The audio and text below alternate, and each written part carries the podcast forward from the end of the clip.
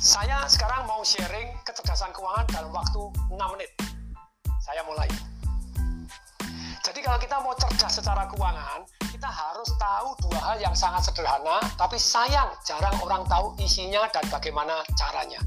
Jadi kita harus tahu yang namanya pendapatan, satu, yang kedua pengeluaran, income dan spending. Ternyata yang namanya income atau pendapatan itu ada tiga macam. Sayang kalau Anda hanya punya satu saja. Satu yang namanya active income. Active income itu apa? Ketika Anda kerja, Anda baru dapat income.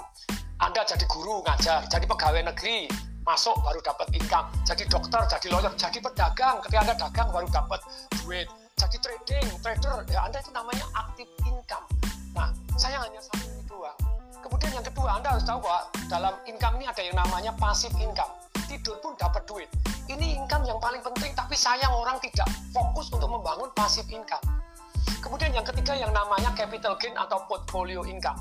Kenaikan dari harta kita. Rumah kita beli misalnya 200 juta. Dalam 10 tahun, eh jadi naik jadi satu miliar. Ditidurin pun naik loh 800 juta. Tapi saya orang cuma punya satu yang namanya ini. Saham, emas, atau apa pun yang capital gain itu yang namanya portfolio income Anda. Yang kedua passive income tadi. Passive income tuh harus ada tiga ini loh, ada tiga jenis. Banyak orang nggak tahu dan nggak punya. Yang namun satu adalah paper asset obligasi, deposito, royalti, saham yang menerima dividen, jadi unit link Anda. Tapi sekali lagi, ini adalah paper asset. Yang kedua, jenis dari passive income adalah properti yang Anda sewakan dan Anda bagi hasilkan. Yang ketiga, itu adalah bisnis yang jalan tanpa Anda. Masuk misalnya kalau kita nggak punya passive income, harus punya passive income karena tidur pun dapat duit, enak banget gitu loh ya. Nah, kemudian pengeluaran itu ada empat satu pengeluaran yang produktif, kedua pengeluaran konsumtif, yang ketiga pengeluaran yang tampaknya produktif ternyata konsumtif, yang keempat pengeluaran yang tampaknya konsumtif ternyata produktif. Pengeluaran apa yang produktif? Semua pengeluaran Anda, nambah karyawan, nambah mesin, kemudian beli properti disewakan, semua pengeluaran untuk ini, semua pengeluaran yang meningkatkan aktif, pasif, dan portfolio income Anda itu adalah pengeluaran yang produktif pengeluaran yang konsumtif itu ada tiga macam.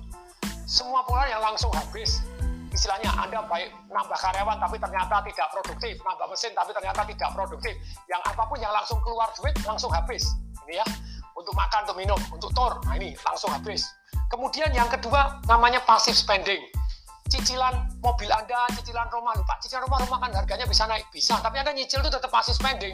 Anda tidak bayar, disita, gitu aja gitu ya. Cicilan Anda, langganan A, langganan B, langganan internet Anda, apa pun yang keluar terus, itu sebenarnya pasti spending. Oke ya. Kemudian, yang paling berbahaya ternyata yang ketiga, invisible spending.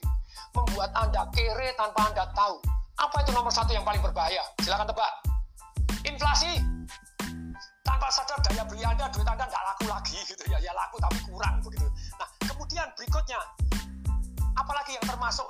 namanya invisible spending. Handphone Anda yang Anda pegang, komputer Anda, terus kemudian mobil Anda. Saya pernah belikan orang tua saya Mercy S-Class begitu ya, tapi orangnya nggak mau. Terus kemudian mama saya minta Alphard, ya saya ganti Alphard. Mercy S-Class beli 1,8 miliar. 7 tahun kemudian jual tinggal 350 juta. Anda beli mobil buka pertama sekali hilang 200 juta besok buka sekali hilang 10 juta, 10 juta, hilang 20 juta, setiap dibuka hilang berpuluh-puluh juta. Itu namanya invisible spending. Tapi begitu banyaknya orang hari ini tidak cerdas, kepengen tampak kaya, beli motor, beli mobil, harganya hilang terus, kere tanpa berasa. Mohon maaf kalau pakai kata-kata keras gitu ya. Mohon maaf supaya insaf saya sering kali menggunakan kata keras sekali lagi mohon maaf. Kemudian berikutnya nih, jadi pengeluaran yang tadi konsumtif sudah. Sekarang yang tampaknya produktif ternyata konsumtif. Tadi ada satu orang, Pak Tung, Pak Tung enak aja punya duit banyak bisa nabung. Saya ini gaji cuma 3 juta setengah. Nyicil motor 1 juta setengah. Saya tanya, kamu nyicil motor apa? Harganya berapa? 35 juta 500 waktu itu. Oke, DP-nya berapa? 9 setengah juta. Cicilannya berapa? 1,6 Pak, tepatnya 1,6 juta Pak. Terus nyicilnya berapa? 32 bulan. Saya itu berarti kamu total duit keluar 60 jutaan sekian. Betul Pak? kalau tiga tahun 12 juta saya sebut 12 juta berarti kamu dalam tiga tahun kamu hilang yang namanya uang kamu 48 juta sendiri Pak, tapi kan saya perlu kendaraan. Kok perlu beli tahun 2000 2 juta doang? Lupa, tapi kan gampang rusak. Ya rusak kan bayar cuma 150 ribu, 200 ribu. Jadi sebetulnya banyak orang itu tidak perlu, cuma kepingin. Jadi please deh kalau Anda ini yang namanya seolah-olah aduh kelihatannya produktif untuk kerja padahal anda nggak perlu itu. Anda harus membedakan. Berikutnya yang keempat yang namanya pengeluaran kelihatannya konsumtif ternyata produktif. Satu pengeluaran untuk belajar. Yang kedua pengeluaran untuk bergaul dengan orang-orang yang jauh lebih sukses dibanding kita.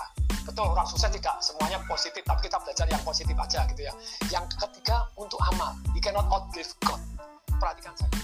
Banyak orang itu kebanyakan gaya. Padahal gaya itu sebanding lurus dengan tekanan itu hukum fisika, hukum alam ciptaan Tuhan. Apabila hidup Anda banyak tekanan, berarti Anda kebanyakan gaya.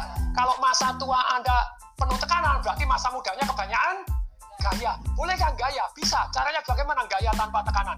Pasif income Anda segede gajah, Anda gaya segede kerbau. Maka Anda cerdas secara keuangan. Semoga bermanfaat. Saya Tung Desa ingin mengucapkan salam dahsyat.